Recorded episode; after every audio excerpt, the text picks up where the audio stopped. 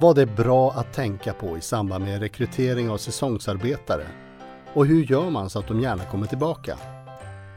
I det här avsnittet samtalar Elinor Wassberg med Fredrik Stenman på Kläppen skidresort och Micke Eriksson på Stöten i Sälen om hur deras rekryteringsarbete ser ut.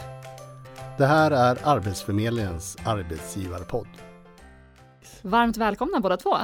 Tackar. Tack så mycket. Berätta lite vad ni jobbar med. Vi kan väl börja med dig Micke. Eh, med det mesta höll jag på att säga. Eh, jag jobbar huvudsak med liftvärdar och skidlärare. Sen jobbar jag en hel del med rekrytering och introduktioner och utbildning och sånt inom stöten. Ja. Mm. Och du då Fredrik? Ja, jag jobbar också med skidskolan och eh, liftvärdar, Kläppenvärdar som vi kallar dem.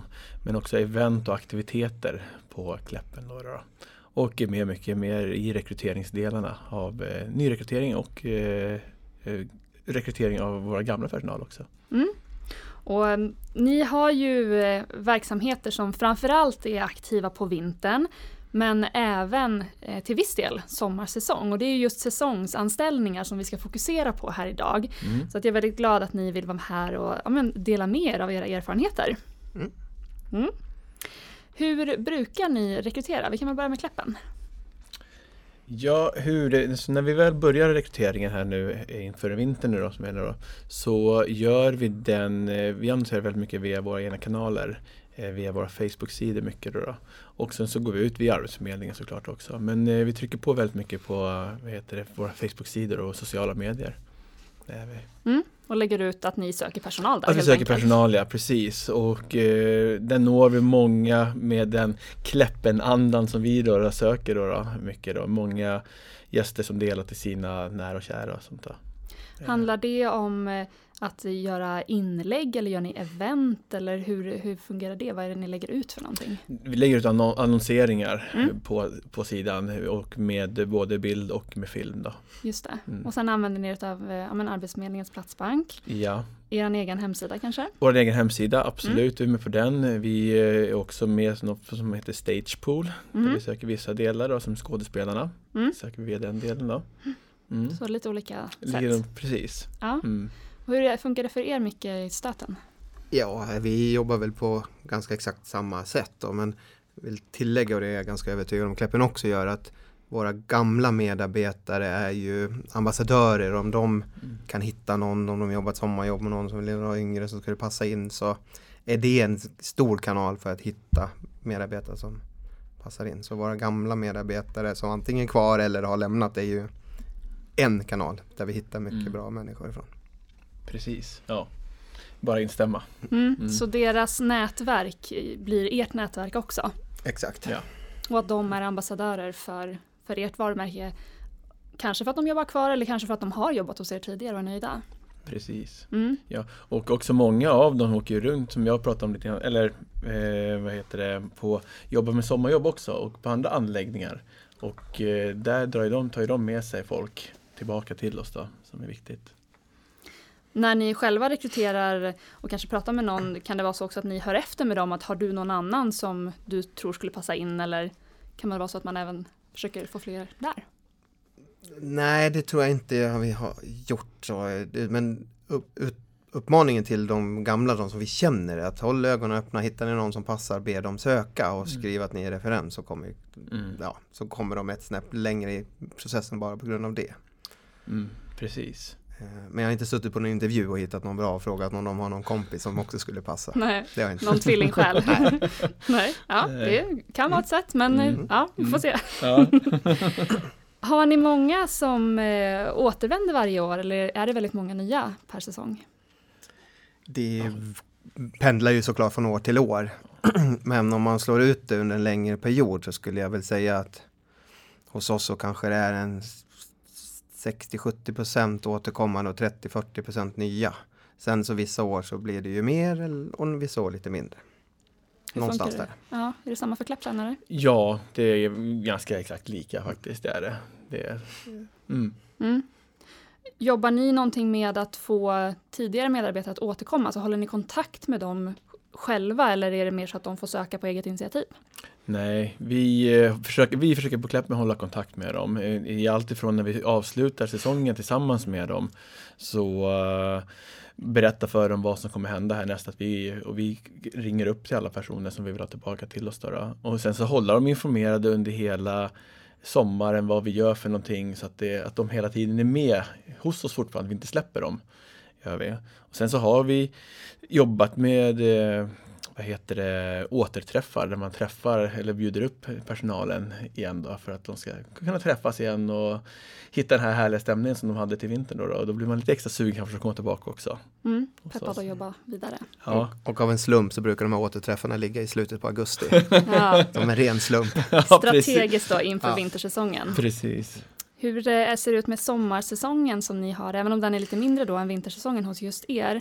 Försöker ni få personal som har jobbat vinter att även stanna kvar till sommaren eller är det helt andra tjänster? Eh, nej, hos oss är det ju nästan bara sådana som jobbar vintersäsong också som kör sommarsäsong. Nu är ju vår sommarsäsong betydligt, betydligt mindre än vintersäsongen men det är nästan bara vintersäsongsfolk som stannar kvar och kör i sommar. Mm. Eller samma Kläppen? Ja, faktiskt exakt samma. Vi, vi återanställer dem vidare. Och det är ett sätt för oss att också behålla kompetens i företaget till nästa år. Att vi kan behålla dem under, under sommaren också. Så känner de att men, istället för fem månader så blir det åtta, nio månader plötsligt hos oss som är viktigt för dem. Då. Mm. Mm. Och då är chansen att de stannar kvar till vintersäsongen därefter också då? Mm, man hoppas ju det i alla fall. ja, precis. ja, men för det är ju lite strategi och lite liksom eh, för er som arbetsgivare och för de som lyssnar nu och som också tänker så men hur ska jag få personal att vilja stanna kvar och hur ska jag kunna liksom, så har man en vinter och en sommarsäsong, då är det ju liksom att jobba mycket tänker jag med att behålla dem och, och försöka också via deras nätverk som ni är inne på också. Ni har gett många exempel på hur ni jobbar som jag tänker också kan kan tipsa, man kan tipsa andra som vill försöka få personal till sin sommarsäsong. Om det är så att det kan vara svårt kanske att hitta personal, har ni varit med om det och hur, hur har ni löst det i sånt fall?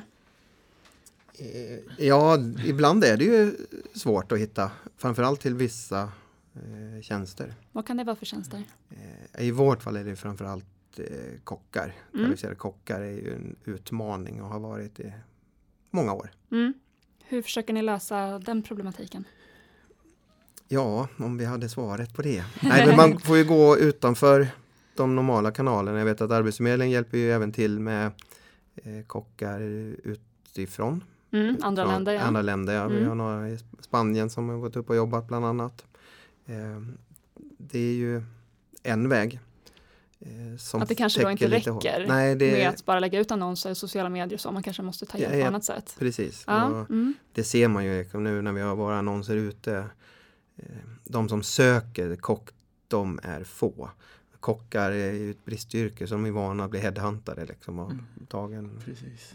Så. Mm. Man, eh, och ett annat är ju verkligen att ha en bra relation med eh, sommarresort som har många kockar på sommaren men kanske några färre på vintern som blir överflödiga. Har man bra relation med dem så kan man hjälpa varandra för de sommarsäsongen sitter ju på samma sätt fast tvärtom. Så du tänker att ni som framförallt har vintersäsong, att ni samarbetar med andra företag som har en större sommarsäsong och att då man kan ha ett utbyte däremellan och låta de här personerna få jobba sommar hos någon annan och sen komma vinter till er? Exakt, mm. och det löser ju både vårt och de som har sommarproblem. Mm. Till exempel golfbanor är ju typexempel. Mm. Duktiga kockar där, men vad ska de göra på vintern? Mm.